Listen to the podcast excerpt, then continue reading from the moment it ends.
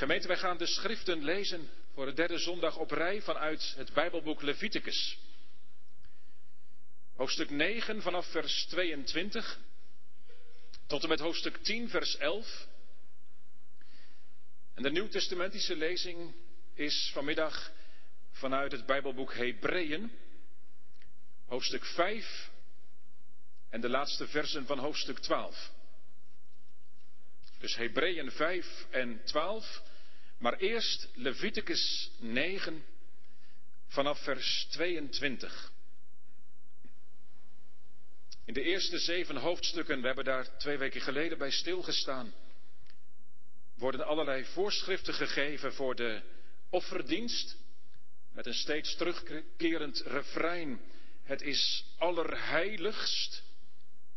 In hoofdstuk 8 en 9 lees je over de wijding van de priesters. Aaron en zijn zonen, die moeten gaan dienen om die offers ook te brengen en om zo de weg te openen voor het volk om de Here te kunnen ontmoeten bij de tent van ontmoeting, de tabernakel. Ik lees met u en jou Leviticus 9 vanaf vers 22 en daar heeft die wijding, die priesterwijding dus inmiddels plaatsgevonden. Je zou kunnen zeggen, alles is klaar. En dan? Leviticus 9, vers 22. Daarna hief Aaron zijn handen op over het volk en zegende hen. Toen kwam hij naar beneden nadat hij het zondoffer, het brandoffer, het dankoffer gebracht had. Vervolgens ging Mozes met Aaron de tent van ontmoeting binnen. En toen zij weer uitkwamen, zegenden zij het volk. En de heerlijkheid van de Heere verscheen aan heel het volk. Een vuur ging uit van het aangezicht van de Heere en verteerde het brandoffer en de vetdelen op het altaar. En toen heel het volk dit zag, juichten zij en wierpen zich met het gezicht ter aarde. De zonen van Aaron, Nadab en Abihu, namen beiden hun wierookschaal, deden vuur daarin, legden reukwerk daarop en brachten vreemd vuur voor het aangezicht van de Heere, wat hij hun niet geboden had. En toen ging een vuur uit van het aangezicht van de Heere en verteerde hen, zodat zij stierven voor het aangezicht van de Heere. Mozes zei tegen Aaron, dit is wat de Heere gesproken heeft. In hen die tot mij naderen zal ik geheiligd worden. En voor de ogen van heel het volk zal ik geëerd worden. Maar Aaron zweeg. Toen riep Mozes Misaël en Elzafan, de zonen van Uziel, een oom van Aaron, en zei tegen hen, kom naar voren, draag uw broeders weg uit het heiligdom tot buiten het kamp. Toen kwamen ze naar voren en droegen hen in hun onderkleren tot buiten het kamp, zoals Mozes gesproken had. En Mozes zei tegen Aaron en tegen Eleazar en Itamar, zijn jongste zonen, jullie mogen je hoofdhaar niet los laten hangen en je kleding niet scheuren, opdat jullie niet sterven en de grote toren over heel de gemeenschap komt, maar jullie broeders, heel het huis van Israël, zij zullen de brand bewenen die de Heere aangestoken heeft. Jullie mogen ook niet van de ingang van de tent van ontmoeting weggaan, anders zullen jullie sterven, want de zalfolie van de Heere is op jullie. En ze deden overeenkomstig het woord van Mozes. De Heere sprak tot Aaron, wijn en sterke drank mag u niet drinken, u niet en uw zonen met u ook niet, als u de tent van ontmoeting binnenkomt, opdat u niet sterft. Het is een eeuwige verordening al uw generaties door, zowel om onderscheid te kunnen maken tussen het heilige en het onheilige, tussen het onreine en het reine, als om de Israëlieten ook in al de verordeningen te kunnen onderwijzen die de Heere door de dienst van Mozes tot hen gesproken heeft. Tot zover gemeente Leviticus. Vervolgens lezen wij uit Hebreeën. Een Bijbelboek dat helemaal ja, verder gaat op de offerdienst, de priesterdienst. Vanuit het Oude Testament, maar dan hoe Christus daarin tot ons komt. En ik lees met u het hoofdstuk 5, waar Christus getekend wordt als de meerdere Aaron. Hoofdstuk 5, Hebreeën 5, vers 1 tot en met 6.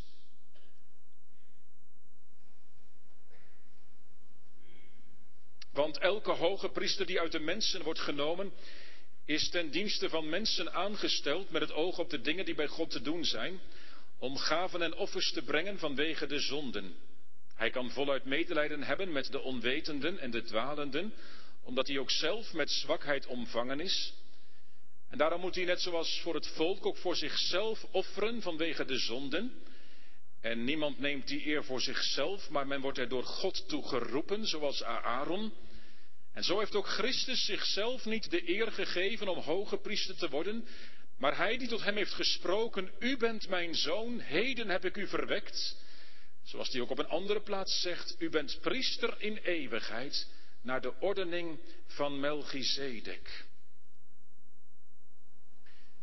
Tot slot gemeente de laatste teksten van Hebreeën 12.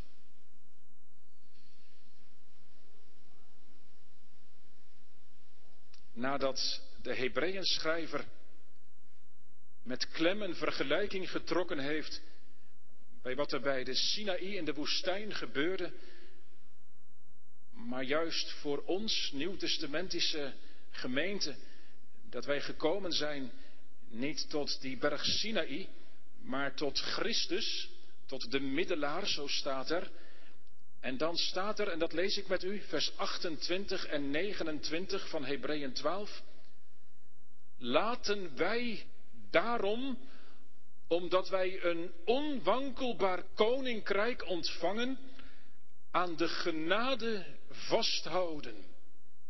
En daardoor God dienen op een hem welgevallige wijze, met ontzag en eerbied.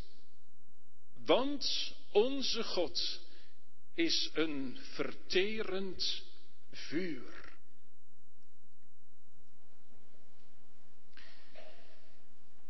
De verkondiging deze middag is vanuit het gedeelte dat wij hebben gelezen uit Leviticus 9, het slot, en hoofdstuk 10, het eerste deel.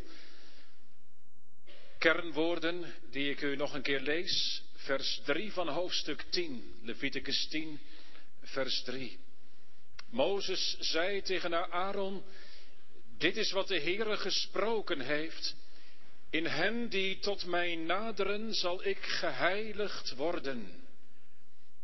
En voor de ogen van heel het volk zal ik geëerd worden. Maar Aaron zweeg.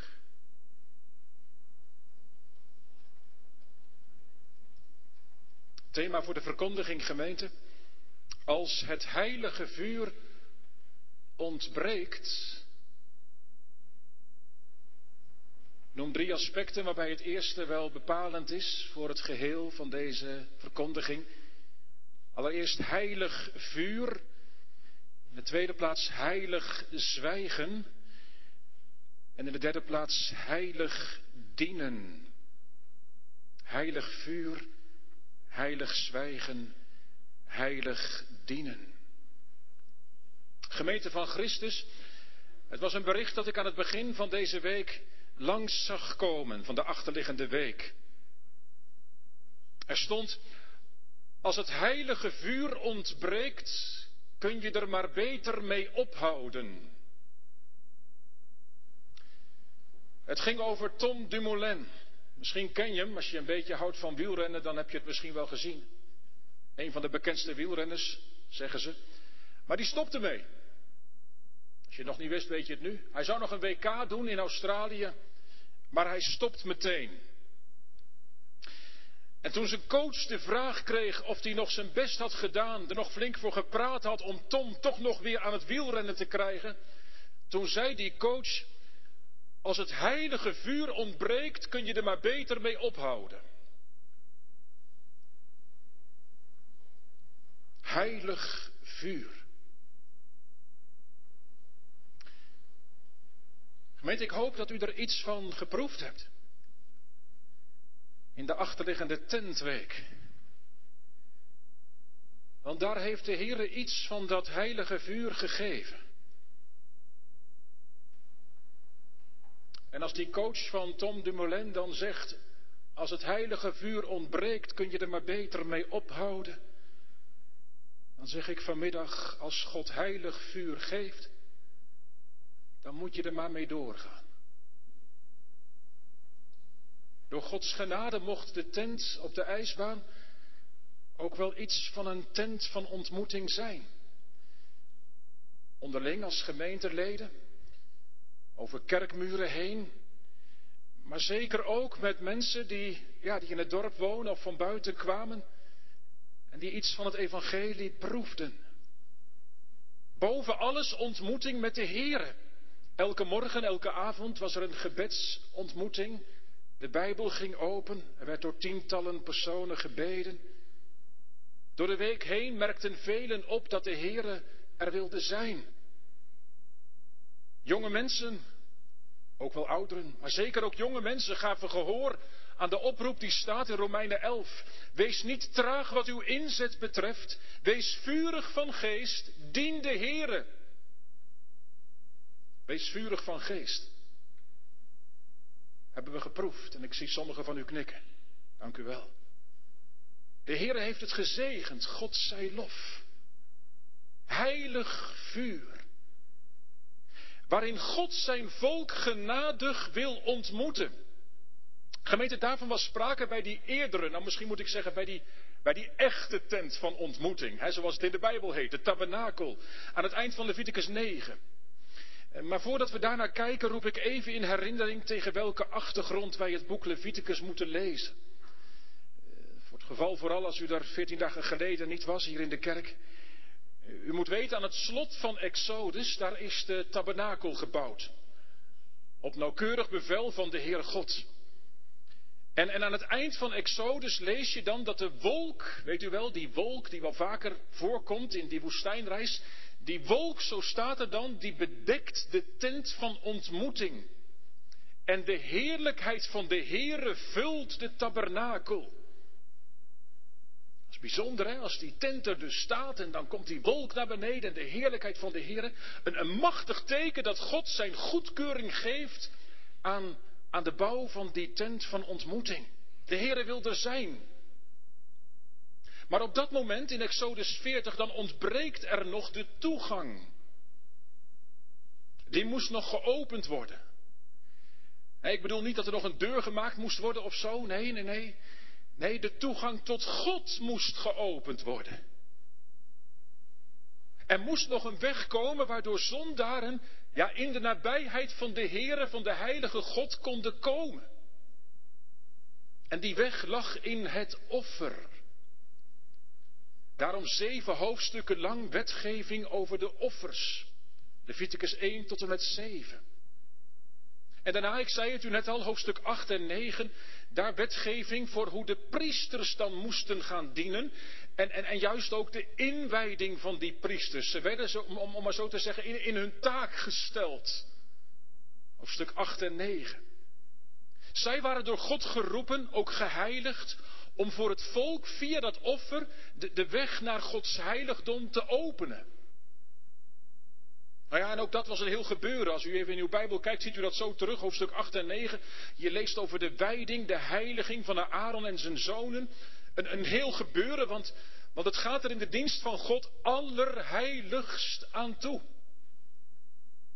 Dat blijkt. En het laatste gemeente van die ceremonie hebben we dan zojuist gelezen in hoofdstuk 9 vanaf vers 22. Aaron brengt offers ter verzoening. Hij zegent het volk. En dan als hij met Mozes de tent van de ontmoeting binnengegaan is, en dan komt hij weer naar buiten en dan zegenen ze opnieuw het volk. En dan het slot van vers 23, dan staat er weer, wat ook aan het eind van Exodus staat, en de heerlijkheid van de Heere verscheen aan het volk. En vers 24, een vuur ging uit van het aangezicht van de Heere en verteerde het brandoffer en de vetdelen op het altaar. En toen heel het volk dat zag, juichten zij en wierpen zich met het gezicht ter aarde. Heilig vuur vanuit de hemel. Let wel, verlossend vuur. Echt vrij. Bevrijdend vuur. En het volk, ze juichen. Ze juichen. En ze vallen met hun gezicht plat op de grond. Nou, dat gaat dus blijkbaar samen, hè? Juichen en je heel klein maken voor de Heer. Gemeente, wat een heerlijk iets. Als God verschijnt, als het offer zichtbaar en tastbaar is. En na al die bouwwerkzaamheden die er geweest waren bij die, bij die tent van ontmoeting daar in de woestijn. En, en nu die heerlijkheid van de Heer die neerdaalt. God wil er zijn. Gemeente, als het offer centraal staat, ook in 2022, als de gekruisigde Christus het centrum vormt, dan is de Heere er.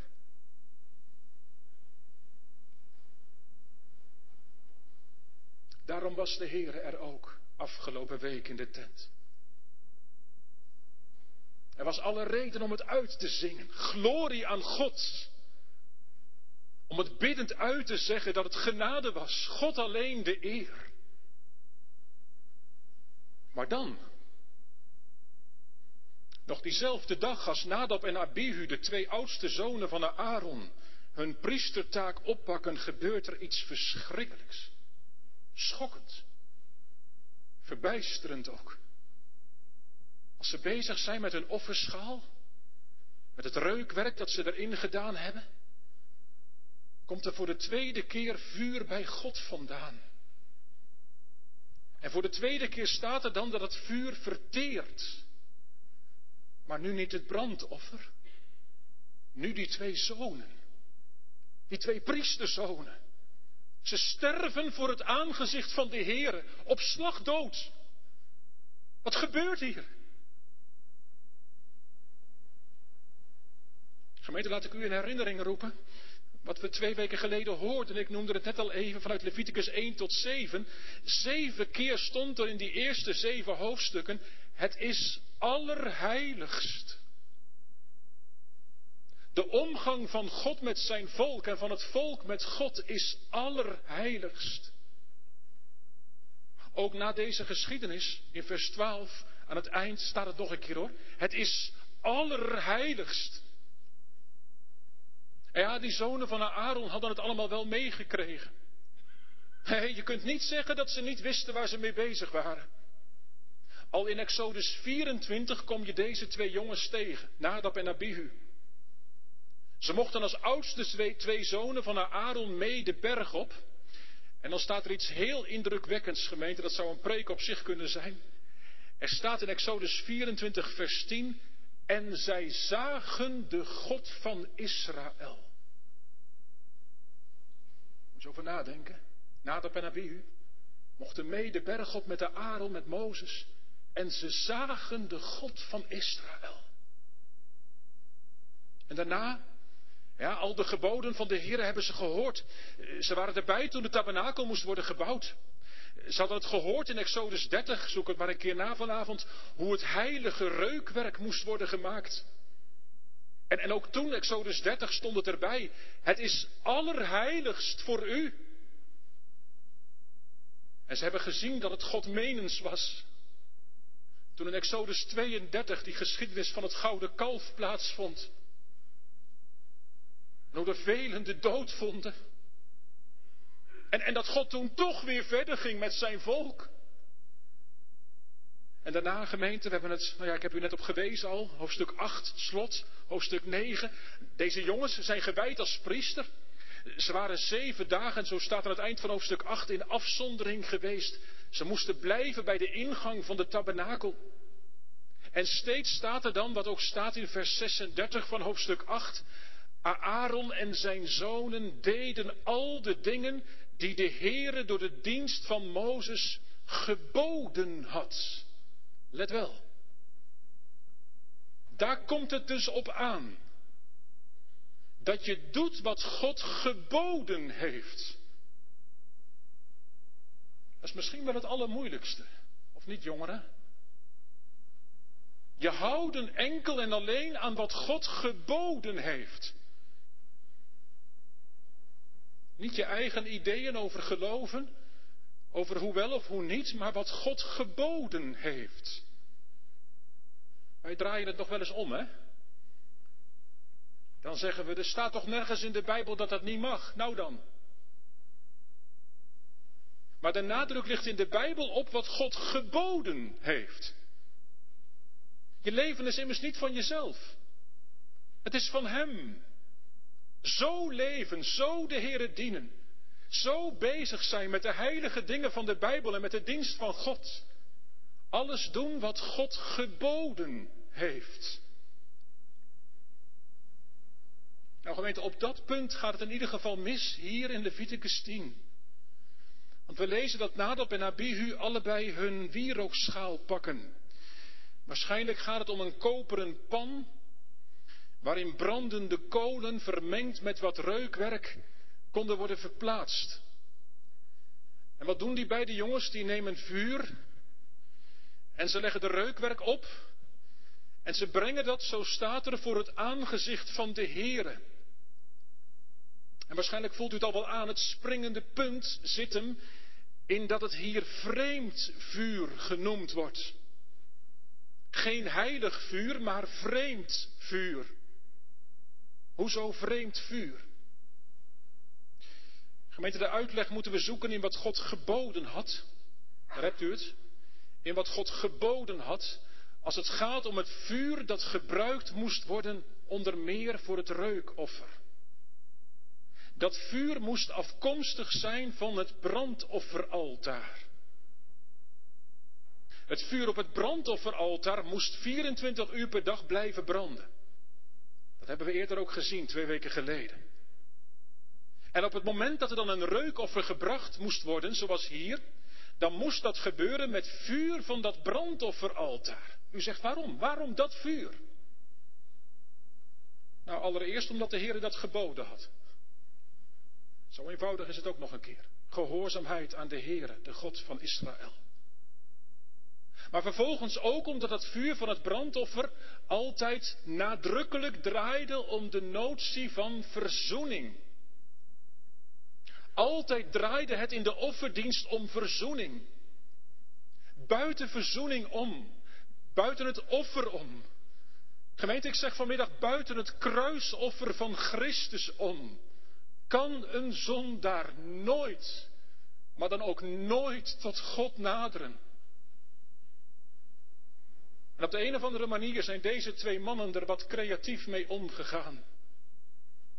Misschien vonden ze het te omslachtig. Misschien vonden ze het niet nodig. Misschien was het per ongeluk of even vergeten. Ik dacht, misschien was het hun jeugdige enthousiasme. Dat ze nog maar net aangesteld waren als priesters en ze dachten, nu moet er van komen. Gauw, vuur erbij, dat erbij, dat erbij. Was het bewuste ongehoorzaamheid? Of was het onbedachtzaamheid, slordigheid, gemakzucht? Gemeente, vanuit, vanuit de eerste zeven hoofdstukken weten wij dat God hoe dan ook allerheiligst gediend moet worden. Misschien herinnert u zich dat nog, dat, dat er zelfs wetgeving is in die eerste zeven hoofdstukken. Ik ga het niet allemaal aanwijzen nu. Maar als je een zonde uit onwetendheid hebt gedaan, per ongeluk, en je denkt achteraf, oh ja, dat wist ik eigenlijk helemaal niet. Dan moest je toch een offer brengen. Want er is verzoening nodig. Je kunt niet met je zondige leven voor God bestaan. Zelfs niet als het per ongeluk is. God is heilig. En zonder het offer is er geen omgang mogelijk. Nou ja, deze priestersgemeente, nogmaals, was het onwetendheid misschien wel? Was het onbedachtzaamheid? Was het bewuste ongehoorzaamheid?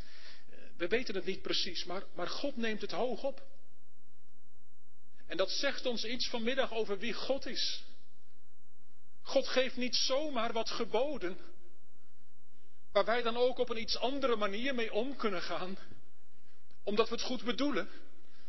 Of omdat we denken dat het toch ook wel zo kan, of dat we beter het misschien zo kunnen doen. Nee, God is de heilige. En in zijn heiligheid is hij niet toegankelijk dan alleen via het offer.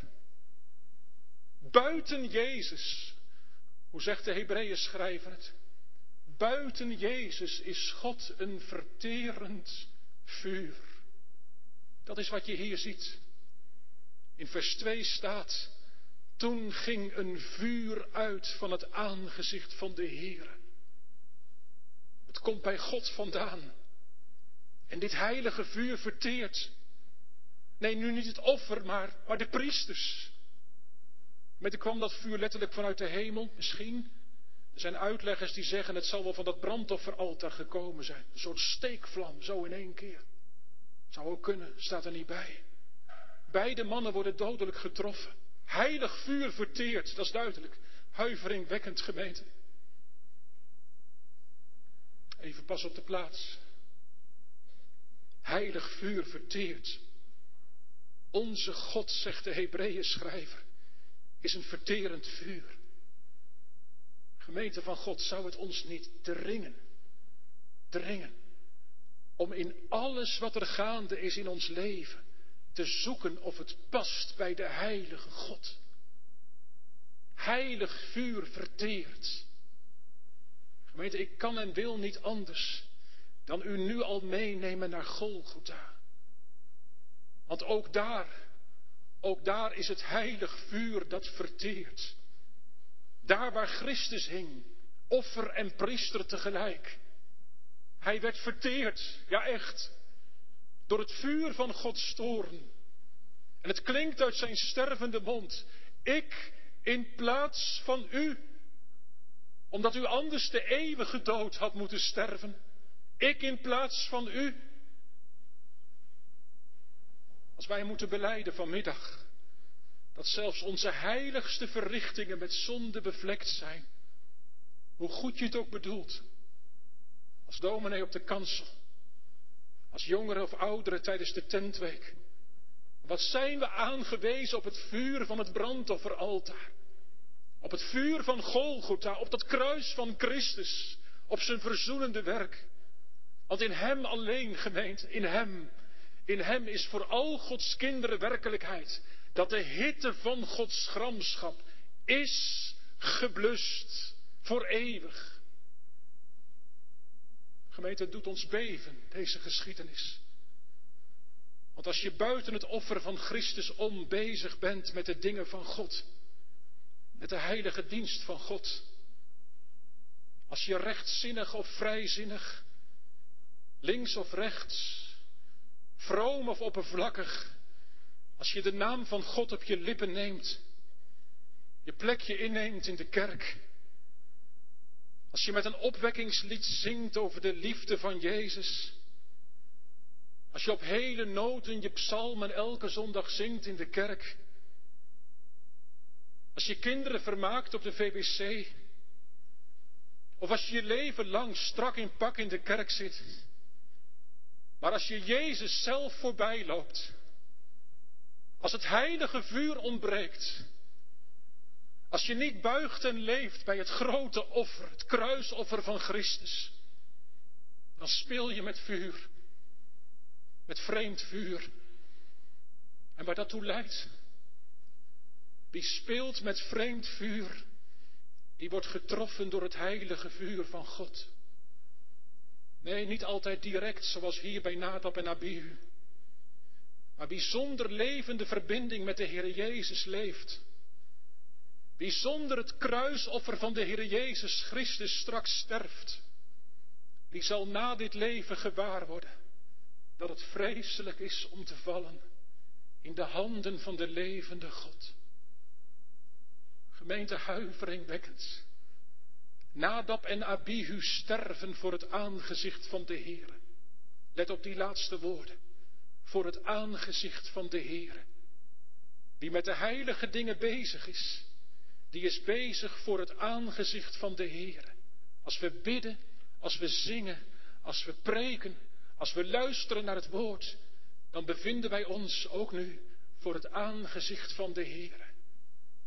Gemeente, wat moet het geweest zijn voor Aaron? Twee van je zonen dood. En wat dacht u van de vrouw van Aaron? als ze nog geleefd heeft. Wat dacht je van die twee broers die straks ze meteen in de benen moeten en het dienstwerk moeten overnemen? Wat moet het geweest zijn voor het hele volk dat daar stond, huiveringwekkend. Je, je voelt de vragen branden in je hart, je bent me misschien al voor. Hoe hebben wij het nu met onze God? Maar gemeente, maar voordat we al te veel kunnen denken of zeggen, klinkt in Gods naam de stem van Mozes, vers 3. Dit is wat de Heere gesproken heeft. In hen die tot mij naderen, zal ik geheiligd worden. En voor de ogen van heel het volk zal ik verheerlijkt, geëerd, verheerlijkt worden. Heiliging en verheerlijking, dat zijn de twee kernwoorden.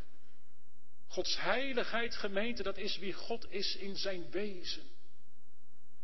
En, en Gods heerlijkheid, je zou kunnen zeggen, dat is de uitstraling daarvan. Wat je ervan te zien krijgt als God zich vertoont. In hen die tot mij naderen, vers 3, zal ik geheiligd worden. Wie naderen er tot de Heer, de priesters? Zij zijn heel in het bijzonder afgezonderd om dicht bij God te komen. Ze mochten de offerdienst vervullen. In hen wilde God zichtbaar maken wie Hij is, hoe heilig. Maar ook wat dat offer betekende, dat heenwees naar de Heer Jezus Christus. Zij moesten het zichtbaar maken. Het grootste wonder van genade. De liefde van God in het offer, in het kruis. Gemeente, juist daarom neemt de Heer het zo hoog op hier. Die priesters waren bij uitstek degene in wie God zijn heiligheid, maar ook zijn verlossende genade wilde tonen. Voor het volk. Ze zijn verantwoordelijk om die heiligheid van God, je mag wel zeggen, veilig te stellen. Te midden van het volk. Gemeente, wat een indringend iets. Want um, gemeente van God in de dorpskerk vanmiddag samengekomen. Het Nieuwe Testament noemt ons priesters. Wanneer u van Christus bent, ook in de diepste zin. Priesters, een heilig priestervolk. Gelovigen zijn priesters in Gods oog. Maar juist daarom geldt ook voor ons, voor zijn gemeente, hoezeer wij geroepen zijn de heiligheid van God hoog te houden. God houdt hen die extra dicht bij Hem leven, extra verantwoordelijk. Immers de eer van God is ermee gemoeid. Als het volk zou zien dat de priesters gemakzuchtig omgaan met de dienst van God, wat zal dat voor gevolgen hebben? Dat zal zijn weerslag hebben op hoe ze kijken naar God. Oh, God kun je ook wel een beetje zo en zo dienen.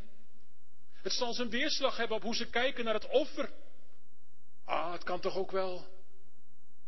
Het zal zijn weerslag hebben op hoe ze kijken uiteindelijk naar Christus, het lam van God, de enige weg tot behoud.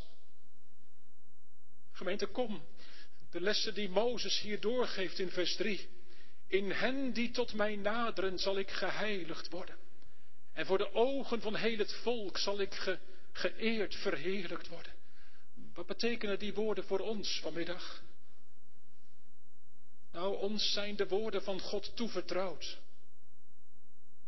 Wat een wonder toch, dat eeuwen, eeuwenlang, ook hier in de dorpskerk, al het evangelie van Gods genade verkondigd wordt.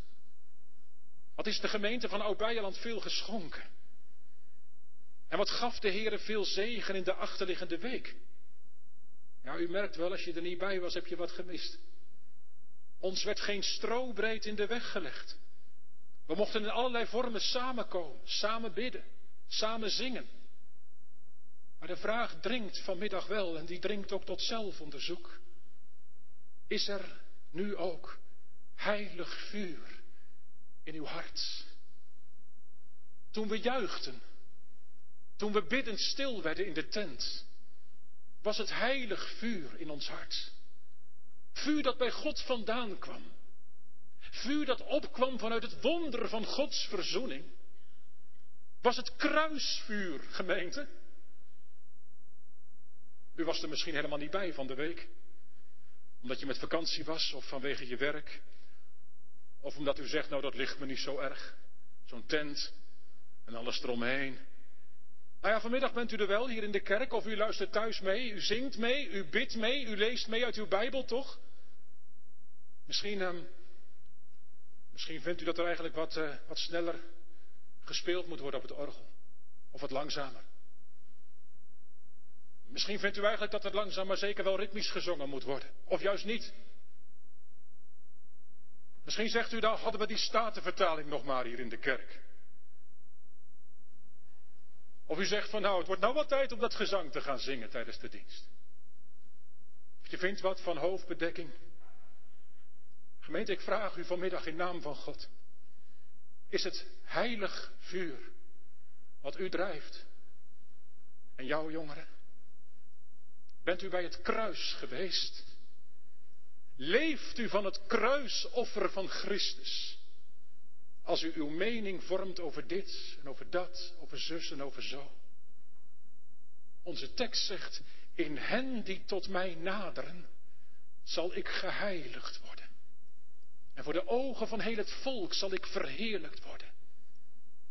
Gemeente, jong en ouder, met alle mogelijke dingen die er speelden ook toen. Hier in onze geschiedenis ging het helemaal mis. Zou, zou, je niet, niet beven? Zou huiver ons hart niet vervullen? Want, want, want, want hier zie je wel wie God is, hè? de levende God. En, en zeg nou niet van ja, dat is Oude Testament, Leviticus. Is het bij Ananias en Safira zo anders, handelingen? En, en dat woord dat we lazen uit Hebreeën is toch kraakhelder gemeente. Onze God is een verterend vuur. Kom al ons godsdienstige bezig zijn. En al de discussies, hoe Piet Luttig soms ook. Maar ze moeten, als het erop aankomt, wel de toets van Gods heiligheid doorstaan. Past het bij de heilige God, dat wat u drijft? Is het vervuld van werkelijke aanbidding, van heilig juichen, van diep ontzag? Gemeente, het is niet niks, deze geschiedenis. Daar staat Aaron, door God aangesteld als priester. Twee van zijn zonen dood op de grond. Diep aangrijpend. De laatste woorden van vers 3. Maar Aaron zweeg. Heilig zwijgen. Maar er zit iets in, dat kan niet anders, van erkenning. De gebeurtenissen rondom het gouden kalf hadden Aaron al overtuigd van de heiligheid van God. Aaron protesteert niet. Hij zwijgt. In dit zwijgen klinkt iets van Psalm 51. U bent rechtvaardig, heren, wanneer u recht spreekt. U bent rein wanneer u oordeelt. Er klinkt ook iets in gemeente van wat Jezus zegt. Wie zoon of dochter lief heeft boven mij, is mij niet waard. Maar Aaron zweeg. Gemeente, ik hoor in dit zwijgen ook iets anders. Je proeft er verbijstering in. Geen woord meer te kunnen uitbrengen. Stom geslagen zijn. Hoe heb ik het nou met mijn God? Gemeente, wat wil je? Je voelt de vragen toch branden. Ik wel hoor. Heere God, kon dit niet anders? Moet het zo hard? Moet het zo heftig? Bent u zo? Aaron zweeg. Gemeente, we doen er goed aan vanmiddag om ook te zwijgen. Ook bij dit woord. Zwijgen in het besef dat de Heere God is. Ik ben God en niet een mens. De heilige in uw midden. Het moet ons brengen tot huiver, tot vrees.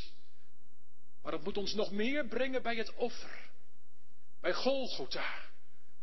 Bij het kruis, gemeente. Want ik zei het, daar is ook heilig vuur. Jezus Christus, de Zoon van God, stierf op Golgotha. Hij onderging de vuurgloed van Gods toren. In Psalm 22 hoor je hem bidden.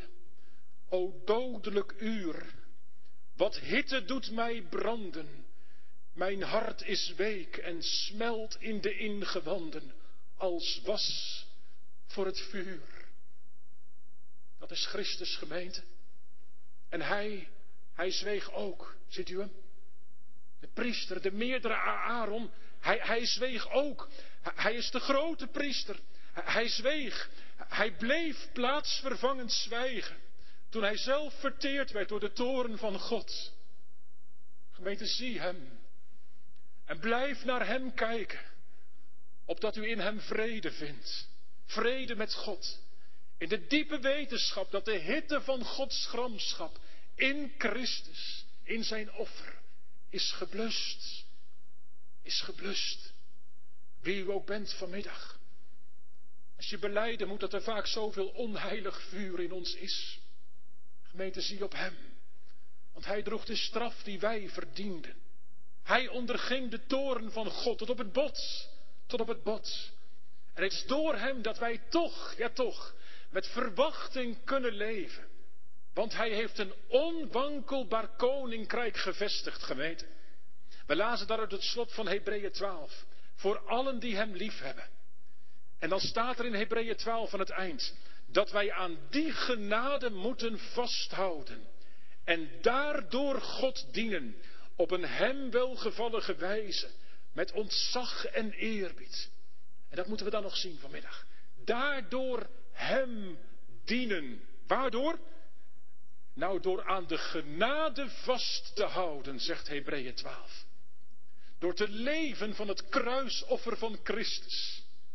Daardoor heilig vuur ontvangend. Om in zijn dienst te staan. Want gemeente, je zou bijna denken, en misschien is het al een beetje in uw hart en uw gedachten, dat u zegt, nou, dan ik niet meer hoor. Dan gaan anderen het maar doen. Want als het zo gevaarlijk wordt als je in de dienst van God staat, als God zo met vlammend vuur verschijnt, dan is het einde verhaal. Maar nee, nee, nee, nee. Nee, want het stopt hier niet. Het stopt hier niet. De dienst van de Heer gaat door. Ondanks de voortdurende zonde, ontrouw, halfslachtigheid van het volk van Gods verbond, gaat God door. Die offerdienst gaat door en die priesterdienst gaat door. En, en hij is gekomen, hè? het grote offer, de grote priester, Jezus Christus. Gemeente, je ziet het in deze geschiedenis. Aaron en zijn twee jongste zonen, let wel, die twee jongste zonen worden onmiddellijk ingeschakeld. Ah, ook wel heftig hoor, ook wel heftig. De dienst van God is zo heilig, zo lezen we vanaf vers 4, dat de Aaron en die twee jongste zonen niet eens mee kunnen naar de begrafenis van die oudste twee. Nee, ze moeten blijven bij de ingang van de tent van ontmoeting. Want de dienst van God moet doorgaan. En, ze mogen zich niet verontreinigen. Ze moeten de heilige dienst van God doorgang laten vinden. En dan klinkt het toch een keer kernachtig in vers 10 en 11. Eh, dat ze, dat ze onderscheid moeten maken tussen het heilige en het onheilige. En dat ze de Israëlieten moeten onderwijzen in de, in de geboden van de Heer. Gemeente, het is om Christus wil dat ook u en jij en ik geroepen zijn om die heilige dienst van God doorgang te laten vinden. We moeten onderscheid maken en elkaar daar ook in onderwijzen tussen wat heilig is en onheilig. En, en wat de geboden van de Heere zijn om daarin te wandelen. Daarmee gaat de Heere door. En, en we mochten het proeven, gemeente. Heb u het geproefd? Ontken het niet hoor. Ook in de achterliggende week. Dat een jongere generatie opstaat. Om in Gods naam de gemeente, maar ook ons dorp te dienen. Met het evangelie. God zij daarvoor dank. Maar dit moet wel de vrucht zijn van wat de Heere ons schenkt. Dat dat heilige vuur ons hart en leven vult. Wie er op de afsluitende avond bij was, die heeft het gehoord. Dat heilige vuur komt tot uiting in dienende liefde. Naar God en naar elkaar. Daarin blijkt vrijheid. Geen angst, maar vrijheid. Als ons leven gestempeld wordt op zondag en door de weeks. Door de liefde. Door het offer van Christus. Door een verlangen om zo te dienen zoals God in Christus ons heeft gediend. Heilig dienen, gemeente. Daartoe ben je geroepen. En God dienen, dat is allereerst en blijvend je handen ophouden. Je laten zaligen op kosten van het lam van God. Net zo lang kijken naar het kruis van Christus of liever naar de gekruisigde Christus. Totdat je hart breekt en je niet anders kunt dan Hem aanbidden. Want dan komt er heilig vuur in je hart. Vuur dat komt van het altaar. Van het brandofferaltaar, van, van Golgotha. Daar vandaan. Heilig vuur. En dan kom ik terug, gemeente, op waar ik mee begon. Die woorden uit Romeinen 11. Wees niet traag wat uw inzet betreft. Wees vurig van geest. Dien de Heere. Gemeente, dat, dat wil de vrucht zijn als God zegenrijk in ons midden is. Nog één keer het slot van Hebreeën 12. Laten wij daarom aan de genade vasthouden en daardoor God dienen op een hem welgevallige wijze, met ontzag en eerbied, want onze God is een verterend vuur. Nee, dat is geen dreigement, maar dat is wel volle ernst. De Heere wil gediend worden op een hem welgevallige wijze, zoals Hij het wil. Zo alleen, met ontzag, met eerbied. Want zo wordt Gods naam geheiligd. Zo wordt de gemeente ook van Oud-Beierland toebereid als een bruid voor de komst van Christus. En zo gemeente zal de heerlijkheid van de Heer Jezus Christus, van God zelf, gezien worden door allen die nog buiten zijn. Amen.